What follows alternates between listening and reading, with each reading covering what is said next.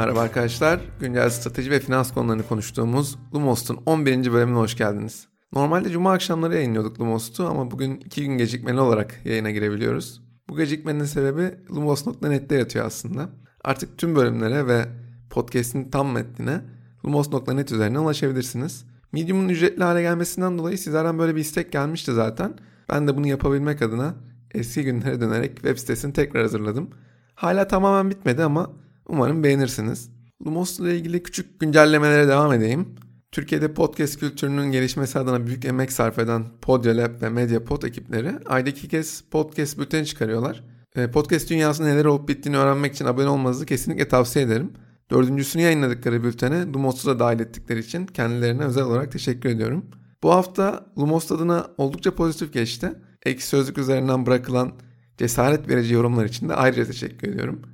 Apple Podcast ve Ek Sözlük üzerinden geri bildirimler bırakmaya devam edin lütfen. Bu hafta e, ayrıca Lumos'un hem Instagram hem de Twitter hesabını daha aktif kullanmaya başladım. Takip edenler muhtemelen fark etmişlerdir. Bu konulara ilgi duyanlar için podcast ve kitap önerilerinde bulunuyorum. Ayrıca dikkat çekici haberleri, grafikleri de bu platformdan paylaşıyorum. Eğer henüz takip etmediyseniz Lumos'un LinkedIn, Instagram, Twitter ve Facebook hesaplarında beklerim sizleri. Önceki bölümden farklı olarak bu bölümde tek bir şirket üzerine analizler yapmayacağız. Bunun yerine dünyada hayatı durma noktasına getiren Covid-19'un sektörler üzerinde yarattığı değişimleri anlamaya çalışacağız. Muhtemelen bununla ilgili çok fazla şey okudunuz, dinlediniz, izlediniz ama elimden geldiğince tüm bunları belirli bir akışla sizlere aktarmaya çalışacağım. İçinde bulunduğumuz salgının hayatımıza yarattığı köklü değişiklikleri düşündüğümüzde önümüzdeki yıllarda olası bir salgının önüne geçebilmek tüm dünyanın gündemi olacak gibi. Podcast'in son bölümünde de e, giyilebilir teknoloji şirketlerinin salgının çözümü için ne kadar kritik bir rol üstlenebileceğini değerlendirip podcast'i tamamlamayı planlıyorum. Podcast'a başlamadan önce yararlandığım kaynakları merak edebilirsiniz. Onlardan da bahsetmek istiyorum. McKinsey ve BCG salgının ilk günlerinden itibaren çok detaylı raporlar hazırladılar. Ekonomik etkileri anlamak adına bu raporlardan sıklıkla yararlandım. Ayrıca Global Data ve CB Insights'ın kategori bazlı raporları detaylı analizler yapabilmemi sağladı. Son olarak da Deloitte tarafından Türkiye üzerine yayınlanan COVID-19 salgın raporu özellikle ülkemizdeki değişimleri anlamama yardımcı oldu. Yararlandığım tüm bu kaynaklara lumos.net üzerinden ulaşabilirsiniz. İlk olarak perakende sektörüyle başlayalım. Son bir aydır en çok duyduğumuz şeylerden biri sosyal mesafe. Sosyal mesafenin arttırılmasına yönelik önlemler perakendeciler için e-ticareti daha önce hiç olmadığı kadar önemli hale getirmiş durumda. Covid-19'un perakende sektörünü dijital dönüşüme zorladığını hepimiz görüyoruz. Eve teslimat seçeneği olmayan oyuncuların bu sürecin uzaması halinde ayakta kalması çok zor görünüyor. Ülkemize bakıyoruz. Migros, Carrefour gibi büyük marketler BİM A101 Şok gibi indirim marketlerine göre çok daha fazla talep görüyorlar. Migros gibi büyük oyuncuların daha önceden dijitalleşme yatırımları yapması, eve dağıtım altyapılarını kurması ve en önemlisi e-ticaret deneyimlerinin bulunması onların bu süreçte ayakta kalabilmelerini sağlıyor. Agresif mağazalaşma stratejisiyle hızlı büyüyen indirim marketleri ise talebin hızlıca dijitale kaymasından dolayı hazırlıksız yakalanmışlar gibi. Yine benzer şekilde Getir, Bana Bir, İste Gelsin gibi online market servisleri de tarihlerinin belki de en yoğun dönemini yaşıyorlar. Yemek siparişlerinin önemli ölçüde azaldığı bu noktada Bana Biz'in yemek sepeti için ne kadar önemli olduğunu görmüş oluyoruz aslında. Deloitte'ın sağladığı verilere göre kıyafet, ayakkabı gibi birçok tüketim ürünü kategorisinde başlangıçta ciddi bir daralma yaşanmış. Mart'ın 3. haftasına birlikte mağazalar agresif indirimler ve sosyal medya kampanyaları düzenlemeye başlamışlar. Bu sayede bir miktar toparlanma olmuş gibi. Ben kendi adıma sosyal etkileşim bu kadar düşükken talebin kalıcı olmasını beklemiyorum. Yurt dışına döndüğümüzde de bu sürece hazır olmayan şirketlerin çok hızlı satın almalar yaptığını görüyoruz. Örneğin Costco, Last Mile Delivery şirketi Innovel'i 1 milyar dolar ödeyerek satın aldı. Daha önce Costco'nun bu tarz satın almalar yaptığını hiç görmemiştik. Bu satın alma Costco için neden önemli? Innovel Amerika'daki evlerin %85'ine 24-48 saat içinde teslimat yapabileceğini söylüyor. Costco bu hamleyle Omnichannel kulübünün yeni bir üyesi olmuş oldu. Online tarafta büyüyen perakencileri düşünelim. En önemli problemlerden biri siparişi hazırlayan çalışanlarının sağlığını güvence altına alabilmek. Bunun bir doğal sonucu var. Yapay zeka destekli tedarik zinciri faaliyetlerini belirli ölçüde rahatlatacak robotlara talebin artması. Bu robotlardan bazıları sosyal mesafeyi mümkün kılmak için işçilerle birlikte çalışıyorlar. birçoğu da insanların tekrarlı olarak yaptığı işleri yaparak onların yerine geçiyor. Bu süreçten yara alarak çıkan perakendecilerin Covid-19 sonrasında da yapay zeka destekli robotlara yatırım yapması kimseye şaşırtmamalı. Şimdi olaya biraz da tüketici davranışlar açısından bakalım. Covid-19 sebebiyle tüketicilerin evde kaldıkları bu dönemde çok daha fazla online alışveriş yapmaları şaşırtıcı değil. Buna hepimiz kabul ediyoruz zaten. Ama ilginç olan tüketicilerin alışveriş davranışlarının değişmiş olması. Stackline geçtiğimiz hafta tüketici davranışlarının değişimiyle ilgili oldukça ses getiren bir infografik yayınlamıştı. Lumos'un Instagram ya da Twitter hesaplarını takip edenler bu infografiği hatırlayacaklardır muhtemelen. Çalışmada Mart ayında ürün bazında Amerika'da yapılan e-ticaret satışları bir önceki yılla karşılaştırılmış. Buna göre ürün bazında değişimler hesaplamışlar. Çalışmanın en dikkat çekici çıktısı tüketicilerin bu dönemde keyfi ihtiyaçlarını bir kenara bırakarak olmazsa olmazlara odaklanmış olmaları. Evden çıkma ihtiyacını azaltacak her ürün ciddi bir talep patlaması yaşamış. Bunların en ilginç olanlarından biri ekmek yapma makineleri. Stackline'ın analizine göre ekmek yapma makinelerinin satışı yaklaşık 6,5 kat artmış. İlk günlerdeki makarna, konserve yiyecekler gibi panik alımları yavaşlamış olsa da listenin üst sıralarında hala gıda ürünlerinin yoğunluğu dikkat çekiyor. Hazır çorba, pirinç ve paketlenmiş hazır gıdaların satışları bir önceki yıla göre tam 4 kat artmış. Yine tahmin edebileceğiniz gibi insanların en çok stokladığı ürünler tuvalet kağıdı ve temizlik ürünleri. Bunların satışları da yaklaşık 2,5 kat artmış. Kuaförlerin kapalı olması insanları başka çözümlere yönlendirmiş. Kadınlar için saç boyası satışları, erkekler için de saç kesme makineleri ciddi oranda artmış. Şimdi perakende sektöründen çıkıp biraz da salgının genel anlamda iş dünyasında yarattığı değişimlere bakalım. Salgının yarattığı ekonomik belirsizlikler şirketlerin işletme giderlerini daha sıkı yönetmeleri zorunluluğunu doğuruyor. Bu da küresel yatırımların sınırlanması anlamına geliyor aslında temel olarak. Burada ilk çeyrekte küçük de olsa bir daralma yaşanması muhtemel ama asıl etkiyi ikinci çeyrekte göreceğiz. İş dünyasının gündemindeki önemli konulardan biri iş sürekliliğini devam ettirebilmek. Uzaktan çalışma eskiden de şirketlerin gündeminde olan bir konuydu. Sebebi şirketler için mali kazanımlar yaratıyordu ve çalışan bağlılığına olumlu etkileri vardı. Ancak Covid-19 salgını sonrası evden çalışma benzeri görülmemiş bir oranda artmış durumda. Kimi şirketler daha önceden yaptıkları yatırımlar yardımıyla bu sürece hazırlar ama kimileri de bu süreci minimum hasarla atlatabilecekleri çözümler bulmaya çalışıyorlar. Evden çalışmanın şirketler açısından yarattığı en büyük handikap şirket ağlarının ve verilerinin güvenliğini sağlayamamak. Salgın öncesi uzaktan çalışmayı destekleyen şirketlerin bile birçoğunun altyapısı bu ani artış karşısında cevap veremedi. Çalışanların dizüstü bilgisayarlar, tabletler ve cep telefonları kullanarak işletme ağına erişmesi büyük bir güvenlik tehdidi oluşturuyor aslında. Birçok şirketin kendi siber güvenlik protokollerine ve altyapısına sahip olmadığını görüyoruz. Ve bu durum mevcut sistemin açıklarından fırsat sağlamaya çalışanların siber saldırılarını da arttırmış gibi. Bunun yarattığı doğal bir sonuç var. Uç nokta güvenliği sağlayan şirketlere talebin artması. Uç nokta güvenliği çeşitli güvenlik önlemleriyle ilgili olabilecek geniş kapsamlı bir ifade ancak genellikle ağ güvenliği alanında kullanılıyor. Bu anlamda şirket olarak CrowdStrike'ın öne çıktığını gördük. Covid-19 salgını sorusu ne olacak peki? Sadece kurumsal şirketler değil, neredeyse her şirket uzaktan çalışmayı mümkün hale getirecek araçlara yatırım yapacak. Teknoloji ve güvenlik altyapılarını iyileştirecek ve iletişim araçlarını kuvvetlendirecek. Uzaktan çalışmanın ofis giderlerini azaltmak anlamındaki avantajını da şirketler fark etmiş durumda. Bu anlamda uç nokta güvenliği şirketlerinin büyümeyi devam ettirmelerini tahmin edebiliriz. Evden çalışmanın getirdiği en büyük handikaplardan biri uzaktan yapmak zorunda kaldığımız toplantılar. Tüm video konferans uygulamalarının kullanımında bir artış yaşanmış olsa da açık ara bu sürecin kazananı Zoom.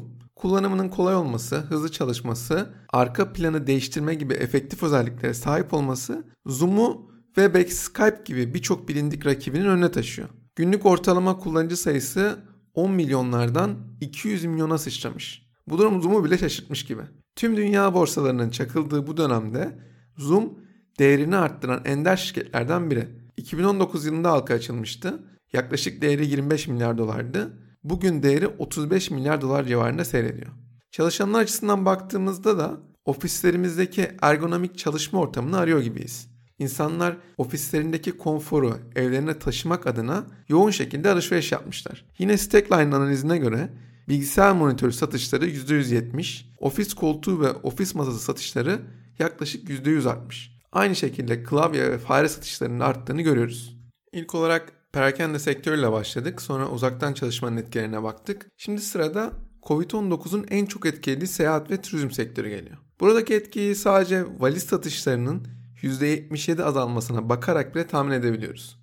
Seyahat odaklı Airbnb, Booking gibi şirketler büyük bir darbe almış durumdalar. CB Insights'a göre en son 12 ay önce yatırım almış, potansiyel yatırım bekleyen 450 seyahat teknolojisi şirketi bulunuyor. Salgının uzaması durumunda bu alanda şirket birleşmeleri ya da satın almaları görebiliriz. Salgın bitse bile belirsizlik ortamı bu şirketler için çalkantının bir süre daha devam etmesi anlamına geliyor. Burada iyileşmenin en iyi ihtimalle U şeklinde olacağı söyleniyor. Hatta bazı uzmanlar toparlanmanın L şeklinde olacağını yani dik bir düşüşün ardından çok yavaş bir iyileşme göreceğimizi öngörüyorlar. Sürecin insanlar üzerindeki en büyük etkisi evlerinde daha fazla vakit geçirdikleri için hobilerine daha fazla vakit ayırmaları yönünde olmuş.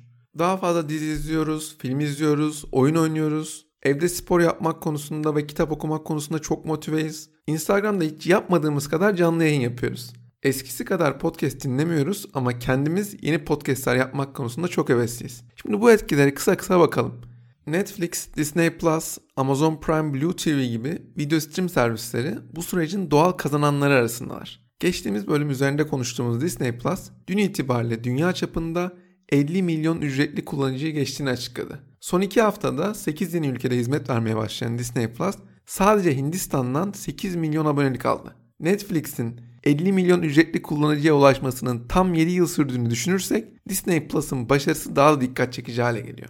Benzer bir etkiyi oyun sektöründe de görüyoruz. Hem oyun konsolu satışlarında hem de online oyun satışlarında bir artış söz konusu. Spor salonlarının kapanması insanları kendi evlerinde spor yapmaya mecbur etti. Bunun doğal etkisi fitness ekipman satışlarının patlaması oldu. Stackline'ın analizine göre fitness ağırlık ekipmanları ve koşu bantlarının satışı bir önceki yıla göre 3 kat arttı. Bunun yanında tüketicilerin daha fazla evde fitness teknolojisinden yararlandıklarını görüyoruz. Bu noktada online fitness uygulaması Peloton'un bir aylık deneme süresini 3 aya uzatması çok başarılı bir hamle.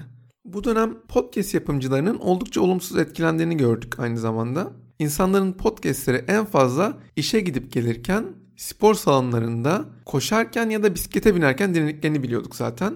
Yeni normalimizde bunların hiçbirini yapamadığımız için podcast dinlenmelerinde de bir düşüş söz konusu. Podcast analiz firması Chartable tarafından sağlanan verilere göre Mart başından itibaren podcast dinlenmeleri düşüşe geçmiş. Son hafta bu düşüş %25'lere kadar yaklaşmış durumda. Otomatik indirmelerden dolayı indirme sayılarındaki düşüş çok sınırlı kalsa da indirilen podcastler dinlenmiyorlar. Kategori bağımsız tüm podcast dinlenmelerinde bir düşüş var ama bu süreçten en çok etkilenen türler spor, sanat ve film temalı podcastler. Podcastlerin bu sürecinden en olumsuz etkilenen şirket kesinlikle Spotify oldu.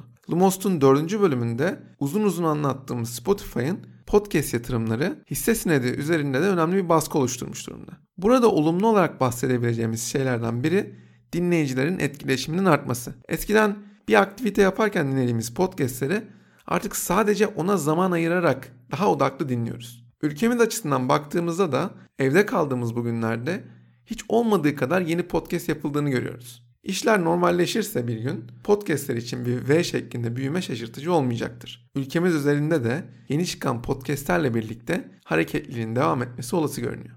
Salgından pozitif etkilenen şirket deyince herkesin hemen hakkında Zoom geliyor. Ama bunun yanında cloud çağrı merkezi teknolojisi sağlayan şirketler de bu dönemin yükselen yıldızları arasındalar. Çağrı merkezi işlevselliğini cloud'a taşımak, müşteri hizmetlerini işinin çok büyük bir parçası haline getiren şirketler için önemli bir gündem. Yaklaşık 1 milyar dolar değerlemeye ulaşan Talkdesk ve Mars sonunda yatırım turunu tamamlayan 3C Logic bu servisi sağlayan önemli şirketler. Cloud çağrı merkezi eğiliminin Covid-19 sonrasında da devam etmesini bekliyorum. Burada önemli nokta Talkdesk gibi şirketlerin çok büyük kurumsal yapılarla göstereceği performans olacak. Salgın hayat sigortası talebini de önemli ölçüde arttırmış gibi. Dünya genelinde hayat sigortası sahibi kişi sayısı ciddi bir düşüş trendi içerisindeydi. Özellikle milenyum kuşağında hayat sigortalı yüzdesi hiç olmadığı kadar düşüktü. Yaşadığımız bu süreç süreci doğru yöneten sigorta şirketleri için de kalıcı bir farklılık yaratabilir. Süreçleri şeffaflaştıran ve daha fazla müşteriye dokunan sigorta şirketleri bu sürecin kazananları olacaklar. Bu noktaya kadar salgının çeşitli sektörler üzerine yarattığı değişimleri anlamaya çalıştık. Podcast'in son bölümünde giyilebilir teknoloji şirketlerinin salgınların çözümü için ne kadar kritik bir rol üstlenebileceğini konuşup podcast'i kapatacağız. Fitbit, Apple Watch gibi olan şüphelilerden kullanıcıları yüzlerine dokunmamaları için eğiten titreşimli bilekliklere kadar sağlık odaklı giyilebilir ürünler bu dönemde yoğun ilgi görüyor. 2016 yılına döndüğümüzde giyilebilir teknoloji şirketleri için harika bir yıldı. 110'dan fazla giyilebilir teknoloji şirketi 700 milyon doların üzerine yatırım almıştı. Ancak o yıldan sonra 3 yıl boyunca yatırımlar azalan bir trendde yıllık 550 milyon dolara kadar geriledi. Covid-19'un ortaya çıkmasıyla beraber bu kategorideki canlanmanın kalıcı olacağını düşünüyorum ben kendi adıma. Salgının hayatımızda yarattığı köklü değişiklikleri düşündüğümüzde önümüzdeki yıllarda olası bir salgının önüne geçebilmek için giyilebilir ürünler önemli bir rol üstlenecek. Bu cihazlar hastalık riski taşıyan kişilerin belirlenmesinden hastaların doktorlar tarafından uzaktan takip edilebilmesine, belki hijyenin arttırılmasından hastane optimizasyonu sağlanmasına, salgın dönemi için benzersiz çözümler sağlıyorlar. İlk olarak bu cihazların salgınları tahmin edebilme ve kontrol altına alma konusundaki potansiyelinden başlayalım. Giyilebilir biyosensörlerin ürettikleri gerçek zamanlı veri seti tahmin modelleme uygulamaları için çok değerli bir kaynak. Lumos'un ilk bölümünde bu tarz çözümlerin daha çok kalp hastalığı ve diyabet gibi yaygın kronik rahatsızlıkları modellemek için kullanıldığını konuşmuştuk. Covid-19 salgını bu tarz giyilebilir ürünlerin bulaşıcı hastalıkların gözetimi için de çok başarılı bir çözüm olabileceğini gösterdi bizlere. Bunun en iyi örneklerinden biri Scripps Araştırma Enstitüsü tarafından yayınlandı. Çalışmada Apple Watch, Fitbit, Garmin gibi cihazlardan kalp atışı verisi, uyku ve aktivite verisi toplanıyor. Çalışmanın ismi Detect Araştırmacılar 200 bin kullanıcıdan bu verileri toplamışlar. Hastaları sürekli inceliyorlar ve toplanan data arttıkça modelin de kalitesinin artacağını düşünüyorlar. Bu sayede hastalıklara çok daha erken müdahale edilerek salgın haline gelmesi engellenebilir gibi. Scripps Araştırma Enstitüsü'nün çalışmasına benzer şekilde Aura akıllı yüzün arkasındaki şirket Aura Health de bir çalışma yapıyor. Çalışmanın ismi TempPredict Herkese açık Detect'in aksine TempPredict ilk olarak Covid-19 ile mücadele eden 2000 kişilik sağlık çalışanını hedefliyor. Eğer sonuçlar istendiği gibi oluşursa çalışmanın daha sonra da katılmak isteyen tüm Oura Ring kullanıcılarına açılacağı söyleniyor. Bu araştırmanın özünde de Oura Ring'in ölçtüğü vücut sıcaklığı, solunum hızı ve kalp atış hızı gibi biyometrik veriler var bu sayede araştırmacılar hastalığın başlangıcını, ilerlemesini ve iyileşme trendini anlayacaklarını tahmin ediyorlar. Bunlar dışında tahminleme üzerine çalışan bir başka şirket de Avascience. Daha çok niş giyilebilir cihazlar üreten şirketin portföyündeki mevcut cihazları tahminleme yapmak için yeniden kullanmaya çalıştığını görüyoruz. Avascience'ın temel ürünü bir doğurganlık izleme bileziği. Hassas vücut sıcaklığı ölçümleri dahil olmak üzere hayatı belirtileri kaydediyor bu cihaz. Şirket COVID-19 ile ilgili eğilimleri belirlemeye çalışmak için mevcut kullanıcıların verilerini analiz etmeye başlamış bile. Doğru tahminleme modelleri oluşturmak için profesyonel klinik sınıfı cihazlar da kullanılmaya başlanmış. Hong Kong'da araştırmacılar bu doğrultuda Bioformis ile ortaklık başlatmışlar. Bioformis'in sahip olduğu Everion isimli ürün kandaki oksijen miktarı da dahil olmak üzere 20'den fazla fizyolojik sinyali ölçebiliyor. Şirketin yapay zeka analiz platformu toplanan bu verileri işleyerek hastalığın ilerleyişini analiz ediyor ve ani değişikliklere karşı uyarı oluşturuyor. Bütün bu sistemler COVID-19 ile enfekte olan veya enfekte olduğundan şüphelenen hastaların temassız şekilde uzaktan izlenmesini kolaylaştıracak. Uzun vadede de yaşanabilecek başka salgınlar için erken uyarı sistemi rolü istenebileceğini tahmin etmek güç değil. Ayrıca kişiselleştirilmiş datalar yardımıyla daha etkili tedavide bu sayede mümkün hale gelebilir. Giyilebilir teknolojilerin ikinci bir faydası da kaynak kullanımını iyileştirmeleri. Özellikle İtalya'da ve İspanya'da sağlık sisteminin yaşadığı ani şok karşısında ne kadar yetersiz kaldığını görmüştük. Doktorların hastalarının durumlarını uzaktan izleyebileceği giyilebilir cihazlar hastane kullanımının dengelenmesine yardımcı olabilir gibi. Ayrıca hastalar ve sağlık personelleri arasındaki temas minimuma iner, enfeksiyonların yayılma riski de ortadan kalkar. Tüketiciler de kendi sağlık risklerini daha iyi değerlendirebildikleri için ne zaman profesyonel yardım almaları gerektiğine daha iyi karar verebilirler. İdeal bir senaryo düşünün. Düşük riskli bireyler sistemi gereksiz meşgul etmiyorlar. Bu sayede en çok ihtiyacı olan hastalar kaynakları daha verimli kullanabiliyorlar. Bunun en güzel örneklerinden biri giyilebilir cihazlar için uygulama geliştiren kardiyogram. Bu uygulama yardımıyla Apple Watch kullanıcıları COVID-19 gibi enfeksiyonlara karşı fizyolojik tepkilerini izleyebiliyorlar. Fitness aktivitenizi takip etmenize yarayan Whoop da kullanıcıların kendi kendine deneyler yapmalarını sağlayan Whoop Journal adlı bir özellik başlattı. Bu özellik yardımıyla yaşam tarzlarının, beslenme alışkanlıklarının, davranışsal rutinlerinin fizyolojik durumlarıyla arasındaki korelasyonu anlayabiliyorlar. Örneğin geçtiğimiz ay duyurulmasından bu zamana kadar COVID-19 ile ilgili kendi kendine deneyler yapan yüzlerce kullanıcı olmuş. Current Health isimli firma da hastaların evlerine uzaktan izleme kitleri yollayarak salgın sırasında hastane kapasitesinin arttırılmasına yardımcı oluyor.